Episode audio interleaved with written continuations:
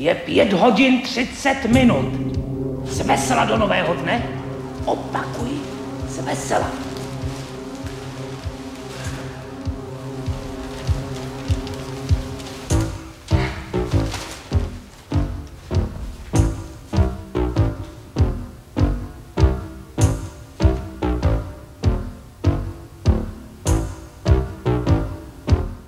Dobrý den, historie CS. Zneužívání psychiatrie proti politickým odpůrcům. Takzvaná pomalá schizofrenie, paranoia querulans a další zvláštní diagnózy. Patří tohle téma do minulosti anebo je aktuální i dnes? Pozvání přijali Marta Kellerová Kotíková, Jan Vevera, Dobrý. a Petr Blažek. Dobrý den.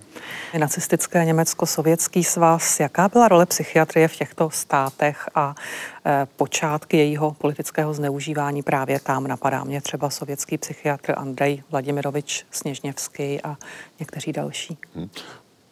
To jste e, vstoupila už do druhé poloviny toho příběhu, ale ta mnohem krvavější část se odehrávala předtím, a vy jste právě zmínila nacistické Německo, ale ono, to byl problém, který velmi obcházel celou Evropou, ovlivněni sociálním darwinismem. Jsme se báli toho, co se bude dít, když se bude i nadále, e, když bude nadále růst naše populace a bude růst nejenom podíl těch e, zdravých lidí, ale e, co hůř, bude růst i podíl lidí, který těm vládcům inženýrům a sociálním e, inženýrům e, připadali jako ne tak zdraví, e, nedokonalí, jak ucpat tenhle prout těch méně dokonalých lidí. A k tomu se právě e, psychiatrie a tehdejší proud předchůdce genetiky, totiž eugenika.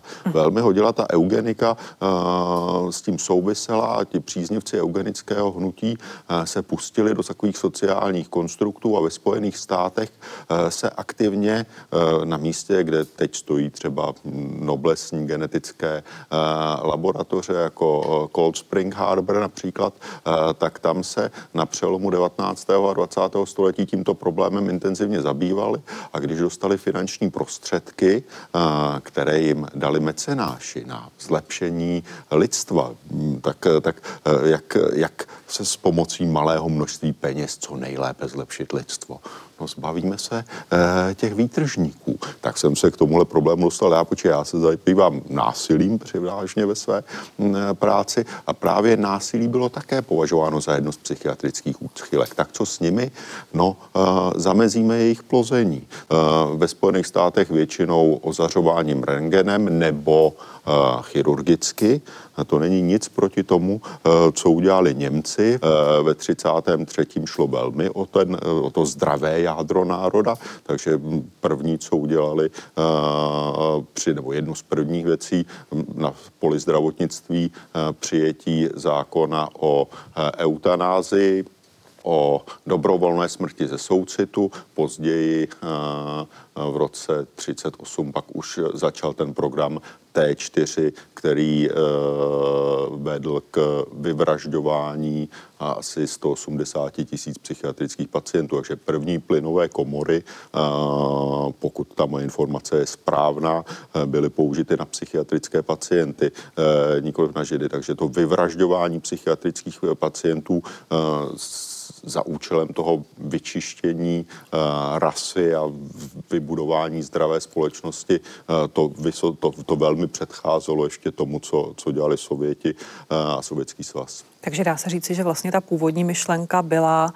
jak si v uvozovkách zbavit společnost těch méně zdravých, těch nějakým způsobem neschopných, neschopných. tím velkým N mm-hmm. ve prospěch těch schopných. Ale to bylo mm-hmm. něco, co intelektuálové vždycky chtěli. To je mm-hmm. něco, co najdeme už v Platónově ústavě a v utopii. Tam všude se autoři velmi zabývají tím, jak zařídit to, aby schopní s velkým S měli co největší přístup k ženám a zdrojům.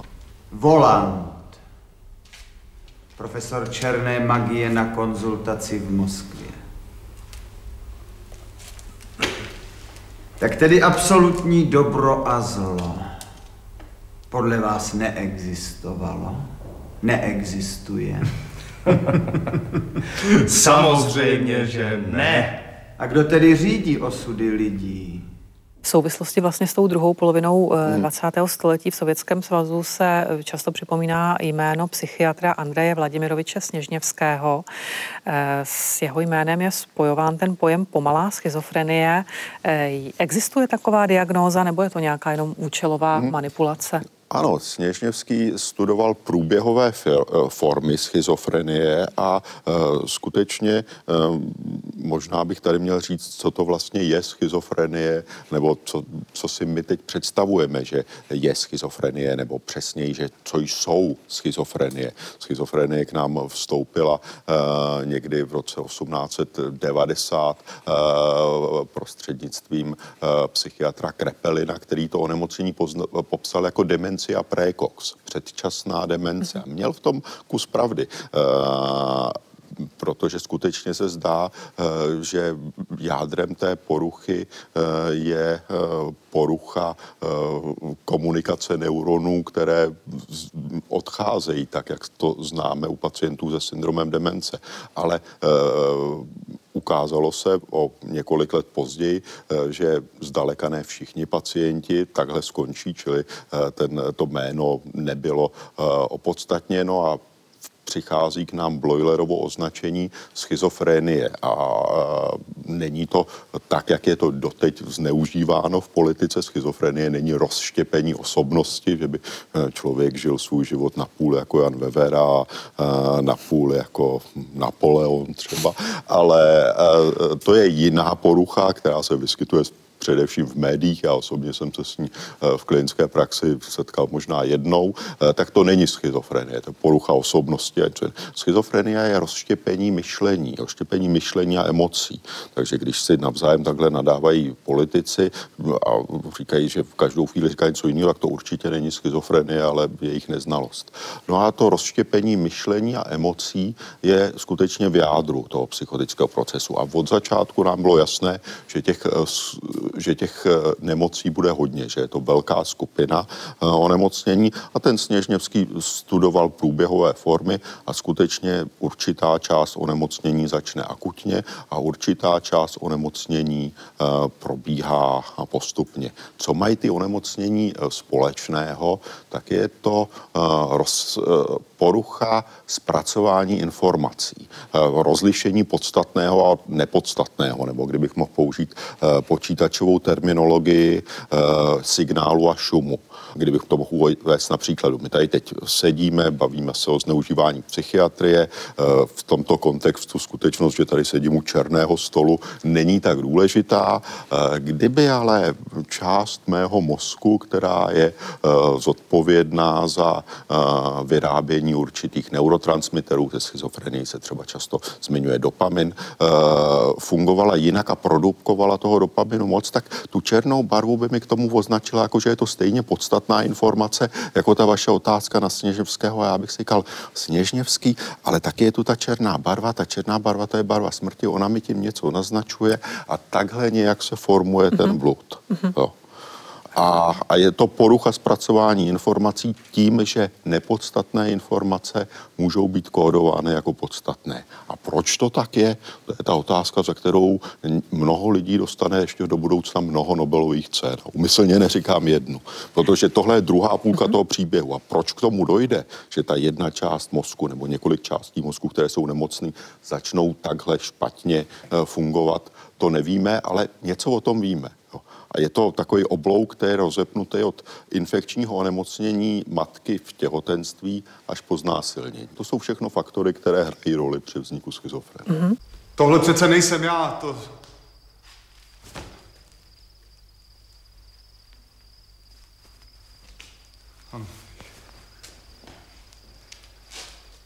Stát budeš, ani se nehneš. A mluvit budeš jen, když budeš tázán. A rozuměl jsi? Ano, jistě, samozřejmě. Víme o tom, že vlastně sovětští dizidenti Natalia Gorbaňovská a Viktor Feinberg, kteří protestovali na Rudém náměstí proti srpnové okupaci Československa, tak vlastně také byli internováni, také vlastně tam byla snaha přišknout jim psychiatrickou diagnózu. Co o tom víme?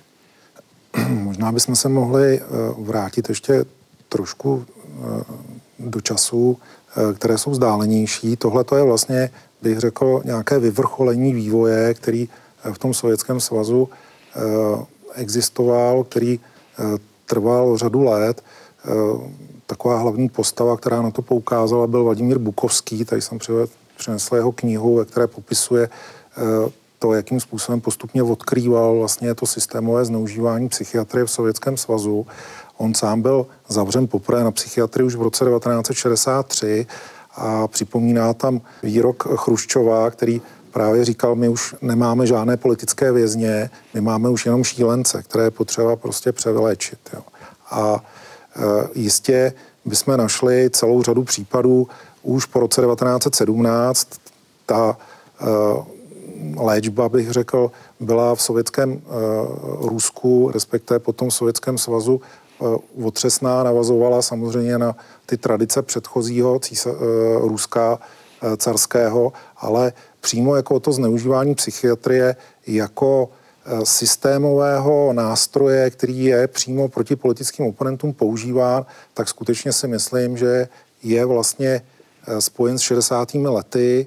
Eh, Bukovský sbíral konkrétní doklady o tom, jak je psychiatrie používaná jako nástroj proti kritikům režimu různého typu. To ukazuje, že skutečně ta psychiatrie byla zneužívána ještě před koncem 60. let, kdy první vlastně e, takové souhrné zprávy se objevily na západě, kdy se začalo mluvit i díky Bukovskému o tom, že s tou sovětskou psychiatrií je něco zcela v nepořádku a Končilo to potom odchodem vlastně sovětské psychiatrie z té světové psychiatrické společnosti eh, v 80. letech. Eh, Bukovský tam ukazuje, že se jednalo o systémové zneužívání psychiatrie, že nešlo o to, že nějaký konkrétní jednotlivec se dostal, řekněme, do spáhru nějakého konkrétního lékaře, který například po nátlaku ze strany tajné policie nebo úřadu napsal nějaký posudek, aby se toho konkrétního dotyčného zbavili, ale že se tady ten systém eh, vytvořil eh, s účastí nejvyšších státních a stranických orgánů. Eh, v roce 1967 po nástupu Andropova do čela KGB se začala ta psychiatrie skutečně zneužívat masově. Andropov napsal společně s řadou dalších představitelů různých státních eh, úřadů a ministerstev takový návrh na vytvoření celé sítě speciálních eh, klinik. Ty potom vešly do známosti pod tím zkráceným slovem psychušky. Byly to speciální kliniky, kde byly uzavíráni nejenom psychič, psych, političtí oponenti, ale také různé nezvladatelné osoby odsouzené za kriminální delikty.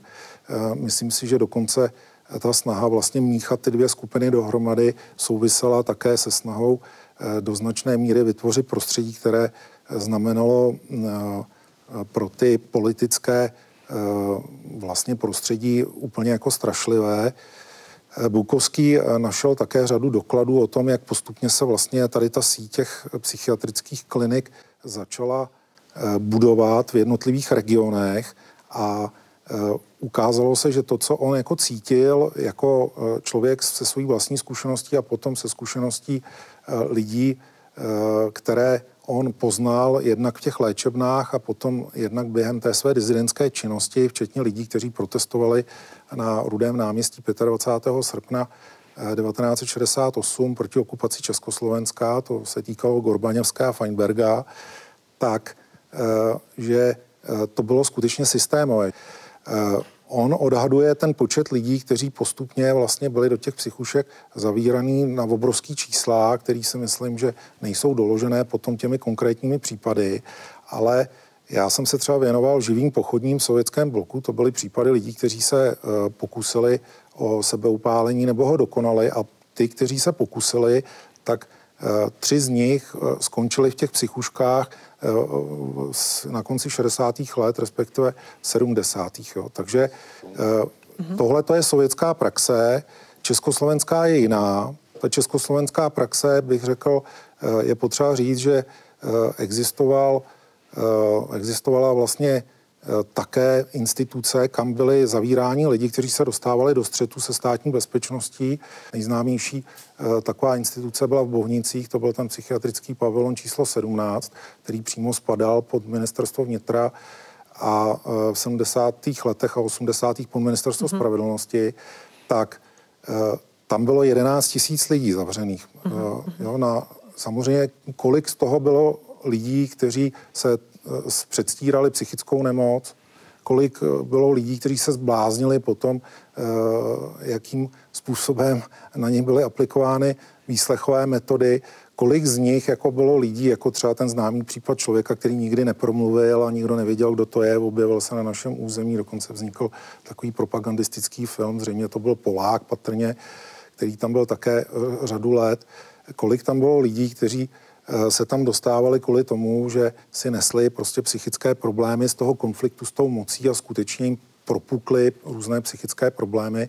Nakolik to byli lidi, kteří tam vlastně potom končili eh, proto, aby eh, dostali nějakou diagnózu, která by byla falešná, to je otázka. Bych to jenom doplnil, tohle není ukázka eh, systémového zneužívání psychiatrie, ale opak role té psychiatrie, protože to, že vznikají, na západě se tomu říká forenzní psychiatrické jednotky, těmhle e, psychuškám, e, to je v pořádku, protože část lidí, malá mimochodem, e, páchá nějaký čin pod vlivem psychické poruchy. Mm-hmm. A tyhle lidi někdy eh, mají jít uh, do vězení a někdy mají jít uh, na léčbu.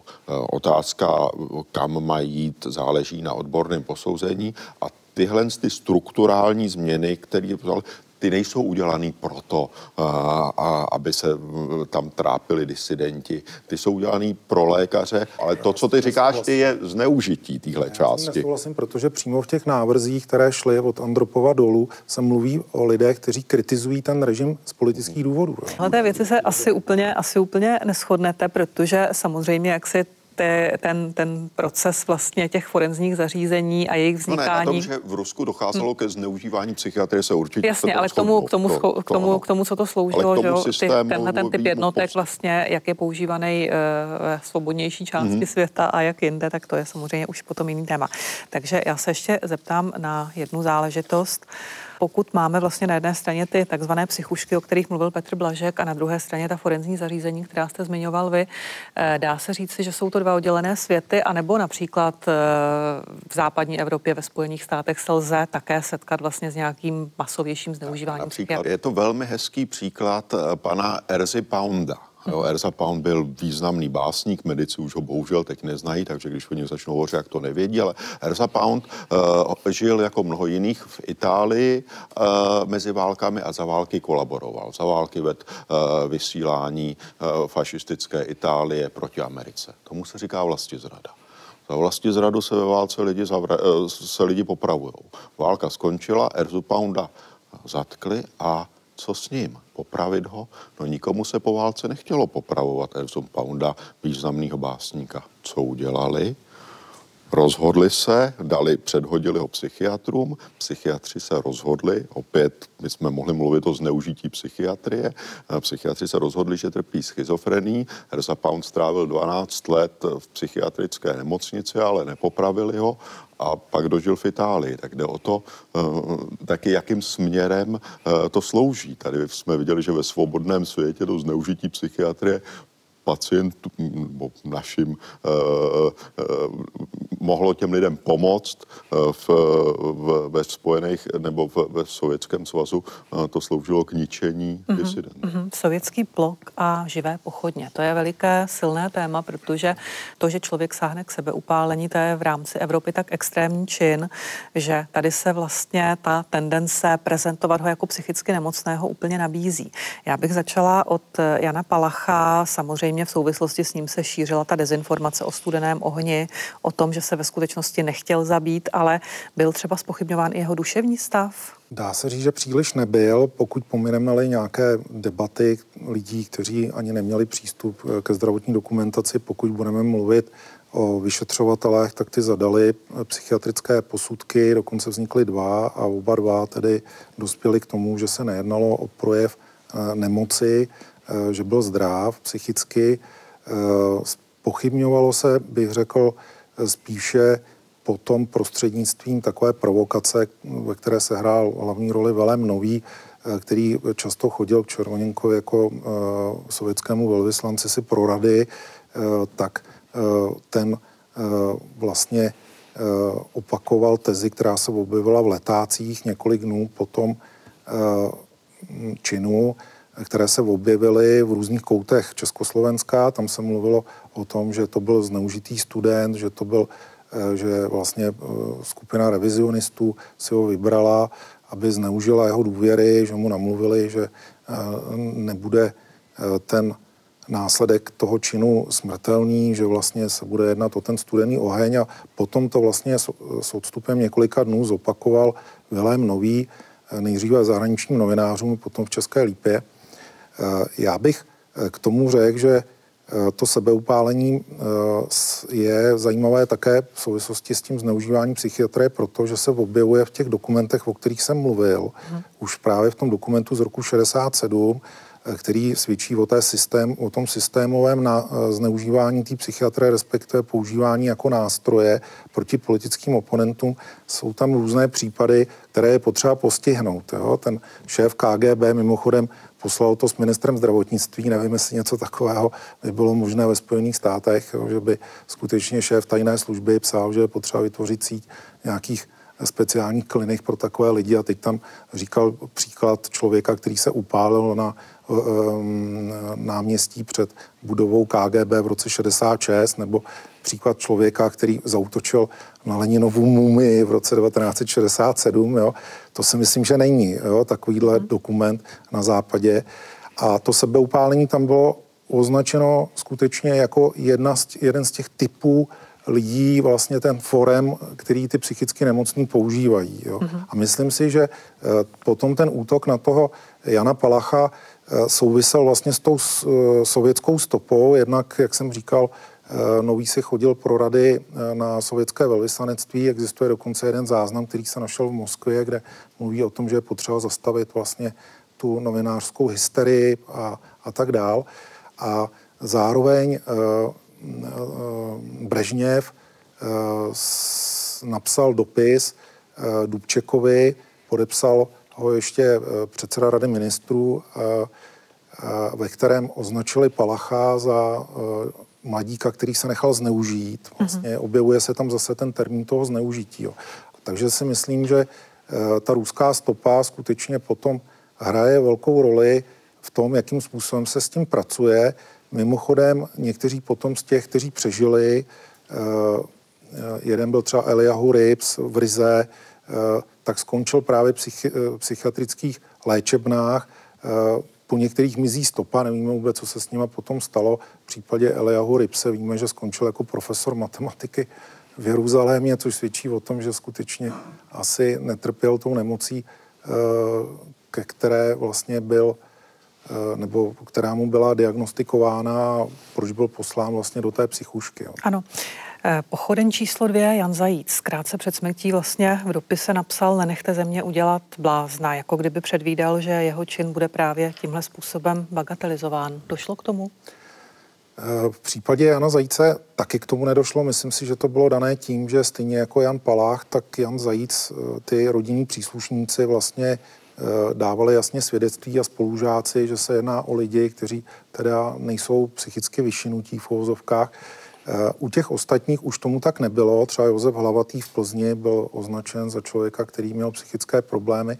Problém je, že u řady těch následovníků potom skutečně existovaly osoby, které měly eh, třeba za sebou suicidální chování, že měli pokusy o sebevraždy, že tam byli lidé, kteří měli za sebou kriminální činy, rodinné problémy a Dá se říct, že třeba z nějakých zhruba asi 30 případů, které z té obrovské vlny sebeupálení v roce 69 v Československu zatím jsme našli, v celém Československu, tedy i na Slovensku byly, bylo asi šest případů, tak zhruba asi sedm bych označil za politicky motivované, které je tam nějaká altruistická jasná motivace, Eh, ta je důležitá, si myslím, při popisování vlastně a kvalifikaci, řekněme, těch mm-hmm. případů, ale je to skutečně problém. No, myslím si, že tyhle ty hraniční případy velmi radikálního jednání, chování, které navíc ještě vedou k sebezničení, tak logicky samozřejmě vyvolávají otázky potom, jestli eh, ten člověk eh, ty psychické problémy neměl.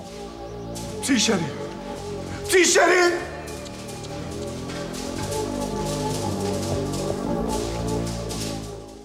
Za psychicky nemocné byli vlastně označováni i lidé, kteří se dopustili mnohem méně razantních činů, třeba trvali na svobodě vyznání. Tady asi nejznámější je případ katolického aktivisty, signatáře Charty 77, Augustina Navrátila. O koho šlo? Můžete přiblížit, co to bylo za člověka? Augustin Navrátil eh, byl moravský katolík, zemědělec, eh, většinu svého života pracoval na dráze jako hradlař a e, byl to otec devíti dětí.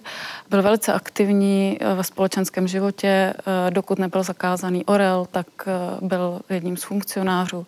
Byl také aktivní v lidové straně, která pak po roce 1948 nesměla vyvíjet dál svou činnost byl v mnoha svazech, jako v čelařství, chovatelství a tak dále. A zajímavý pro nás, pro historiky, je z toho důvodu, že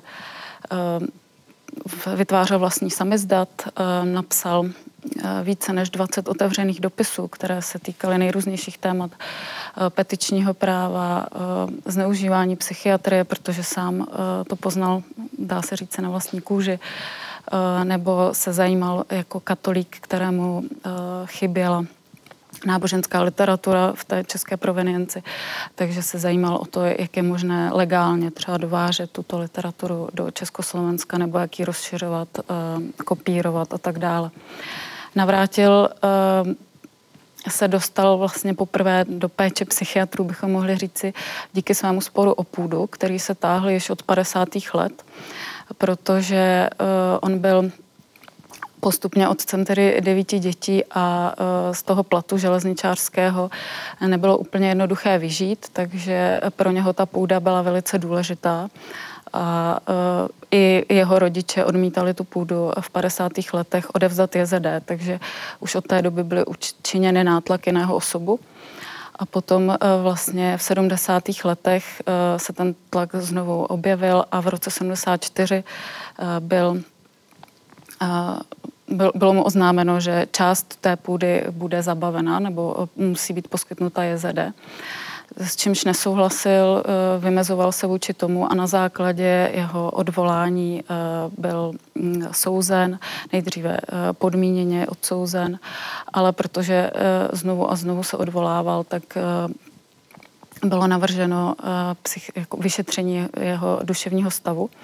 A vlastně v tom prvním posudku z roku 76 kvůli té půdě, tak se ještě objevuje uh, z, od, uh, z úst kromě říšských znalců, uh, že není nebezpečný, že bychom mu neměli ubírat třeba nějakou právní způsobilost.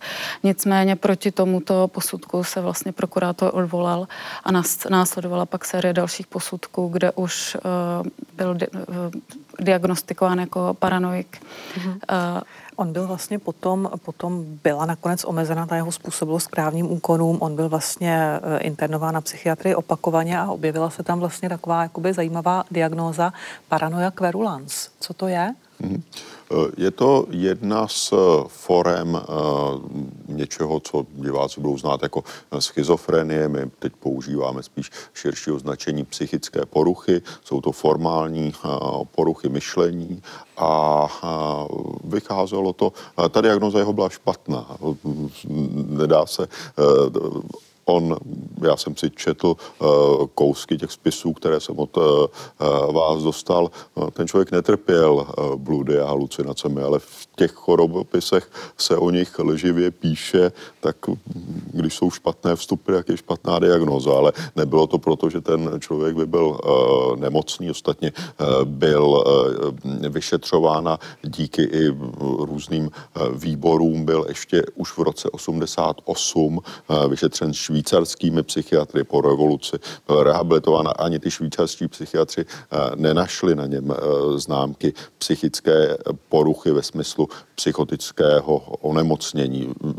Věděli na něm ovšem známky vyčerpání, které bylo jistě pochopitelné, ale určitě ten člověk netrpěl psychotickou poruchou. A co je ta paranoia querulence? Jedna z těch forem poruch myšlení, kdy se člověk cítí pronásledován na základě nějakých indicí. Ten člověk žije v nejistotě, vidí, že ty věci spolu, nebo má pocit, že ty věci spolu nějakým způsobem komunikují a pak se to vše najednou vysvětlí, říkáme tomu aha efekt, jasně. Je to proto, že mě pronásledují, je to proto, že mě chtějí zničit, usilují mi o život a, a sformuje se blud a, a, a paranoia querulans je jednou, řekněme, paranoidní schizofrenie je příkladem takového vyvrcholení takovéhoto procesu. Mimochodem dá se docela dobře léčit, pokud je léčená správně. Mm-hmm. Při jednom z prvních soudních přelíčeních týkající se mého psychiatrického zařazení do léčebny se také účastnil ředitel léčebny Blaťák. Ten na dotaz soudců stále odmítal nebo nemohl odpovědět, jestli jsem pro společnost nebezpečný. Když na něho soudce velmi křičel, nakonec velmi tiše řekl, je nebezpečný pro úřady. Já jsem dodal, to je pravda, ale jenom pro ty, kteří nedodržují zákony. Pan předseda Senátu a zároveň předseda soudu však dal do, dával do zápisu. Je nebezpečný pro společnost.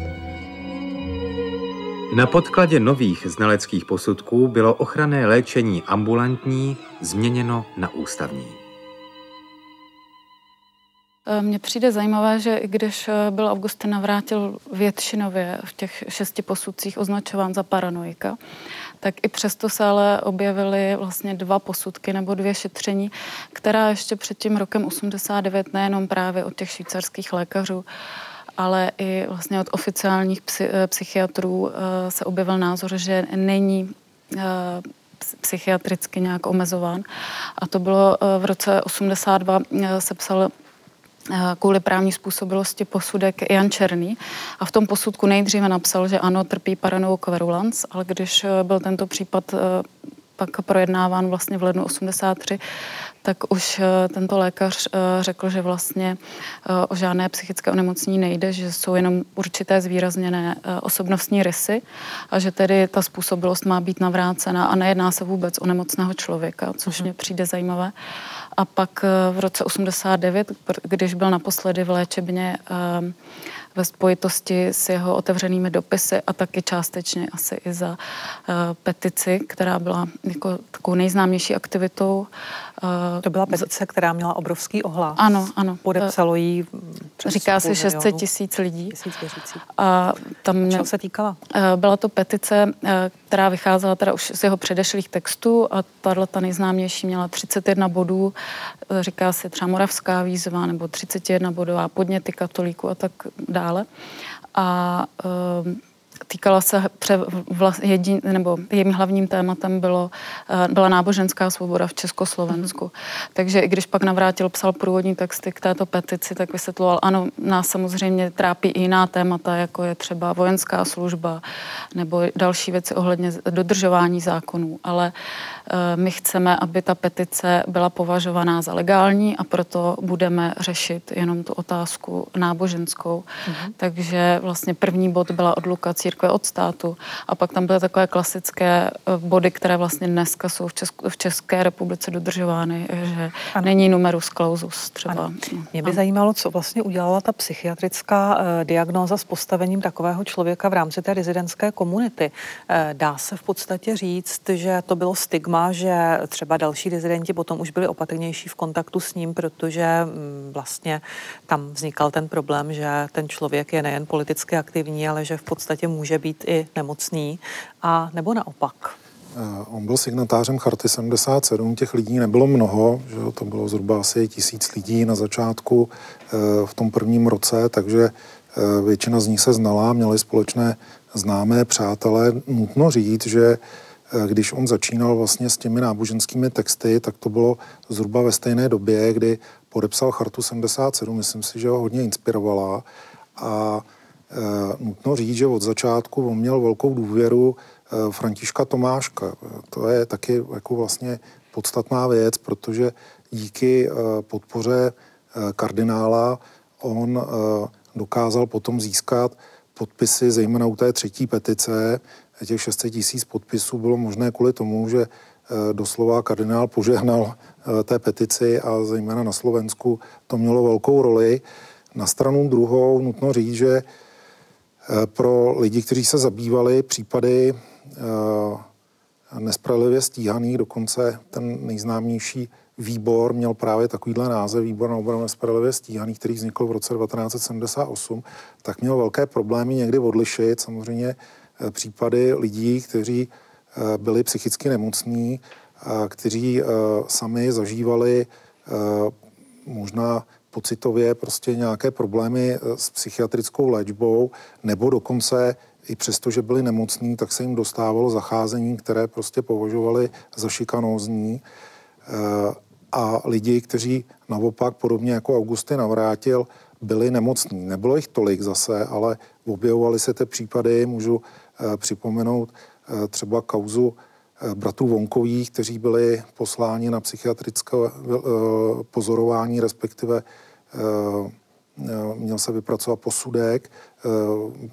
Bylo to vlastně ve stejné, ve stejné léčebně jako byl ten asi nejhorší posudek, který se týkal Augustina Navrátila, to znamená, a nejhorší zkušenost, to znamená Pražské Bohnice. A trochu problém taky byl v tom, že eh, ten výbor na obranu nespravedlivě stíhaných prostě byl vázán často na tu jednu stranu. On neměl k dispozici prostě interní dokumenty z té druhé strany. Bylo to velmi složité a e, myslím si, že pro ten eh, výbor to byl jeden z důvodů, proč o těch případech tolik e, nepublikoval. E, Jan Tesář, který byl členem toho výboru, dokonce ho pomáhal založit a říká se, že byl hlavní iniciátor, tak to nesl velmi nelibě a říkal, že to prostě není v pořádku, že bychom se měli zabývat systémově tím zneužíváním a postavením psychiatrie v rámci celého toho systému komunistického.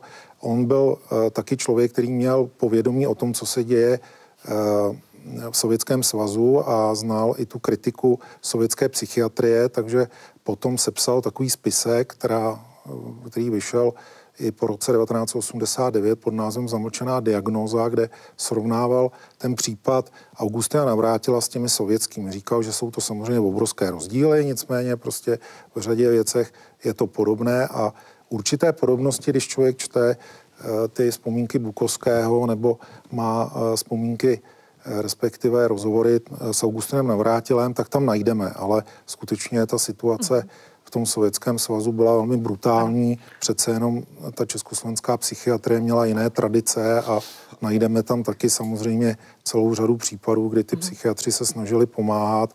Modré knížky například mhm, typicky, mm-hmm. jo, ale... Dobře, a teď se dostáváme no. vlastně k docela důležité otázce a to je právě role psychiatrů eh, v celém tomhletom fenoménu. Eh, pokud někdo vlastně eh, vyšetřoval člověka typu Augustina Navrátila, eh, dá se říci, že to byli psychiatři, řekněme, specifického druhu, kteří třeba byli nějakým způsobem vydíratelní, aby napsali do toho posudku to, co se politicky očekávalo, a nebo, nebo ne, nebo se to nedá takhle ze všeobecně? Já si myslím, že lidi, které já k tomu nemám dostatek znalostí, já takový lidi neznám a takových lidí v české psychiatrii nás českých psychiatrů je tak kolem tisíce, a, tak se mm, neznám samozřejmě všemi, ale mm, nepochybuju, ale velmi pochybuju, že by to dostal nějaký náhodný znalec. Mm-hmm. Napo, ne, ne, naopak nepochybuju o tom, ale nemám proto žádný důkazy, ale nepochybuju, že to musel být někdo předvybraný, na koho mohli nějakým způsobem tlačit, protože tady jsme i z toho, co říkala kolegyně, slyšeli, že i z těch předvybraných se pak nějaký stav stavěli na zadní a, začali říkat, že se mu nemá omezovat způsobilost k právním úkonům, takže že by to dělali nějaký běžní psychiatři. O tom velmi silně pochybuju a nepochybně byli nějakým způsobem předvybraní. Mm-hmm. Tak mhm. to, to považuji za jisté, protože obecně ta role té české psychiatrie je alespoň podle toho, co já znám, spíš posuzovaná kladně, totiž, že jsme víc pomáhali, než škodili. Aby jak bylo zmiňoval Petr Blažek v souvislosti třeba s internováním lidí, Protože těch lidí, kteří na nás ve svých pamětech uh, vzpomínají dobře na nás jako psychiatry, ano. myslím tím ne, mě osobně, uh, je, je Vlastu Chramostovou, si vybavou Petra Placáka, uh, tak, tak to jsou, myslím, že kvantitativně jsme jistě více pomáhali, než škodili.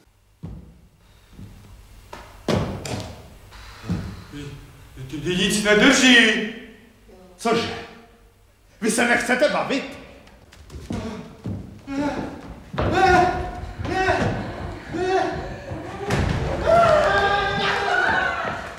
Výbor.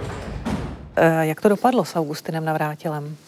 On se ehm. dožil vlastně pádu komunistického režimu. Po tom roce 1989 eh, tedy zažádal znovu o psychiatrické vyšetření a tomu vlastně dalo zapravdu už těch jeho odvoláních, která psal eh, před rokem 89, kde poukazoval na to, že vlastně mu není dokazován žádný blud, že, v těch, eh, že se jenom používá tato jakoby mantra, ale není tam žád, eh, žádná specifikace.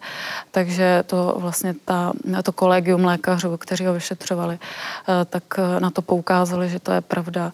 Dále poukázali na to, že vlastně došlo k, k zneužití té psychiatrie v tom ohledu, že ty, ty jeho aktivity, to, že se chtěl soudit nebo domáhal se práva pro sebe nebo pro ostatní uh, osoby, jako byl třeba zemřelý uh, tajný kněz Přemysl Coufal nebo student architektury Pavel Švanda a další nebo manžele Kořínkovi, tak uh, že to není na projev nějakého sudíčství, ale že to je vlastně otázka morální etiky anebo jeho náboženského přesvědčení. Takže uh, vlastně dočkal se toho, že eh, byl tedy označen za zdravého.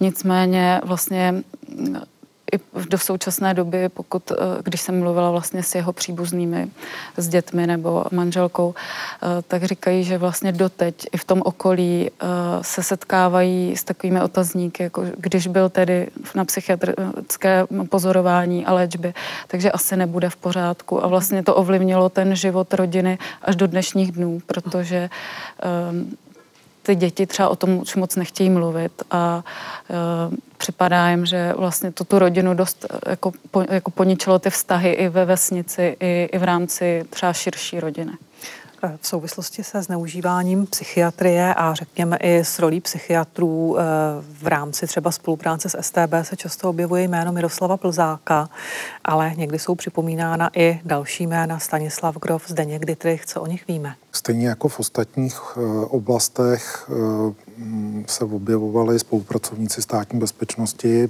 Ty jejich příběhy jsou vždycky individuální, takže často se nedá zobecňovat. Jsou tam lidé, kteří skutečně spolupracovali velmi aktivně, jako třeba Miroslav Plzák, ten eh, ta spolupráce je doložená i díky tomu, že se dochoval svazek velmi podrobný a máme k dispozici řadu svazků, ve kterých potom jsou různá hlášení, která podávali jeho řídící důstojníci na základě jeho informací. Mě by zajímalo, tam hrálo vlastně, hrála tam roli jeho, jeho profese, nebo ano. to v podstatě fungovalo tak, že oni využívali toho, že on jako psychiatr měl uh, řadu kontaktů?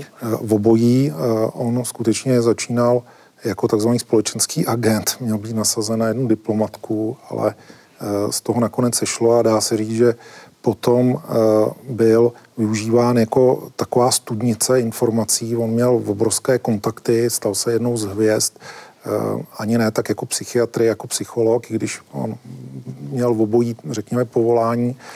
A zejména v souvislosti potom s, různými poradnami, které se týkaly předmanželského manželského života, tak tam se stal takovou hvězdou, velmi uznávanou, pomáhal řadě lidí, samozřejmě jako eh, tedy ta, ten VIP, který eh, byl velmi žádán, eh, psal řadu knih a tak dále, objevoval se v televizi, v rozhlase a pro ty příslušníky STB já z toho spisů, který jsem četl, i z těch dalších vidím, že pro něho to byla taková samozřejmost, jo, že on skutečně se s nimi stýkal prostě tak, že to bral jako nějakou součást toho svého života, nejenom toho profesního.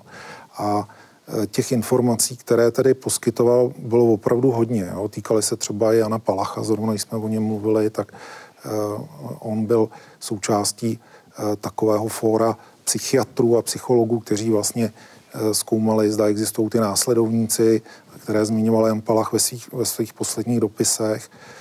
Eh, naopak zase eh, u třeba u Stanislava Grofa najdeme ten svazek velmi malý, prostě ne, není tam skoro nic a převažuje tam spíše, bych řekl, snaha využívat ho jako člověka, který je vlastně takovou takovým jako kontrolním bodem v tom uh, zařízení, ve kterém pracuje. A souvislo ale... to zase nějak s tím, že on třeba experimentoval s LSD? Nebo to se tam neobjevuje. Myslím si, že ty dokumenty k tomu experimentování, mnoho se jich nezachovalo jako směrem ke státní bezpečnosti. Existují jako spousta dokumentů uh, krezeb a tak dále, jako z těch vlastních uh, sezení, ale to, jakým způsobem vlastně to probíhalo systémově, tak ve smyslu prostě i třeba napojení na nějaké vojenské pokusy, tak o tom se ví poměrně málo do teďka. Nemáme ty dokumentace, možná díky tomu, že ty armádní archívy zdaleka nejsou proskoumané. No. Já bych eh, v souvislosti eh, i s tím zneužíváním té psychiatrie byl jako opatrný s nějakými konečnými soudy. My mhm. bohužel máme problém s tím, že eh, vlastně všecko, co tady říkáme, tak říkáme na základě nějakých několika případů, které jsou známé a Eh, snažíme se to nějak zobecňovat. Problém je, že nikdo vlastně do teďka eh, neměl příležitost pořádně, bych řekl, napsat dějiny eh, psychiatrie jako vědy a pod kapitolu tedy nějakou jednu z 30 nebo 50. Dějiny psychiatrie určitě napsány jsou. No, ale ta podkapitola to, to, není prostě žádná, nebo je možná na několika řádcích. To, co víme z minulosti, tak vyšetřoval Například úřad dokumentace vyšetřování zločinů komunismu mluvil o tom, že řada lidí bude obviněných eh, ještě v roce 2000.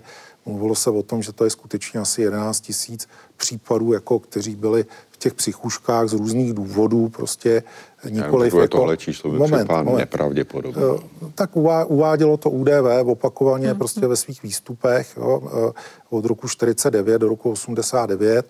Já si myslím, že to zase úplně nemusí být eh, tak řekněme, nadsazené číslo, ale samozřejmě je otázka, kdo všechno tam byl zahrnut a z toho čísla prostě nějaké malé procento, možná nějak, nějaký jednotlivci, desítky, stovky lidí od roku 1949 samozřejmě jako byli postiženy nějakým způsobem. Psychiatrie se z tohohle eh, velmi poučila a my jsme proto velmi oblíbeným cílem nejrůznějších eh, komisí a kontrol eh, komise proti mučení a nelidskému zacházení je třeba jedna z těch, která k naší velmi nelibosti uh, nás chodí kontrolovat, ne snad, že bychom něco skrývali, ale implikuje to v sobě, že něco takového děláme, abych mně se ten název moc, moc nelíbí a psychiatrická společnost proti tomu občas protestovala, tak to teď jenom chci říct, ale taky nás často chodí uh, kontrolovat ombudsmanka, takže jsme často cílem kontrol a já souhlasím s tím, že v historii k tomu byly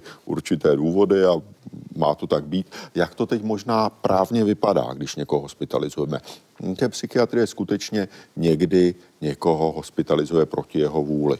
Není těch klientů tak moc, jak si myslíme, je to tak 2, 3, 5, 7% podle toho, takže se všech eh, lidí, o které se eh, staráme, takže je to naprostá menšina. A když něčemu takovému dojde, eh, tak o tom rozhodujeme my jenom na 24 hodin. Jo. My uh-huh. toho pacienta můžeme uh, zadržet, ale jenom na základě toho, že je prokazatelně pod vlivem své nemoci nebezpečný sobě nebo okolí, což musíme nějakým způsobem dokumentovat, obvykle na základě svědectví jeho rodinných příslušníků, ale musíme to nahlásit soudu do 24 hodin a o té nedobrovolné hospitalizaci pak rozhoduje soud. V posledních měsících a letech velmi rezonuje kauza Andreje Babiše mladšího. Nese podle vás znaky účelového zneužití psychiatrické diagnózy? Eh, podle mého názoru určitě ne. No tak tam je problém s tím Krymem, že jako člověk by si řekl, že když někdo se má uklidnit a situace se má zlepšit, tak švýcarský občan asi nepojede na Krym, který byl nedávno obsazen Ruskou federací. Jo.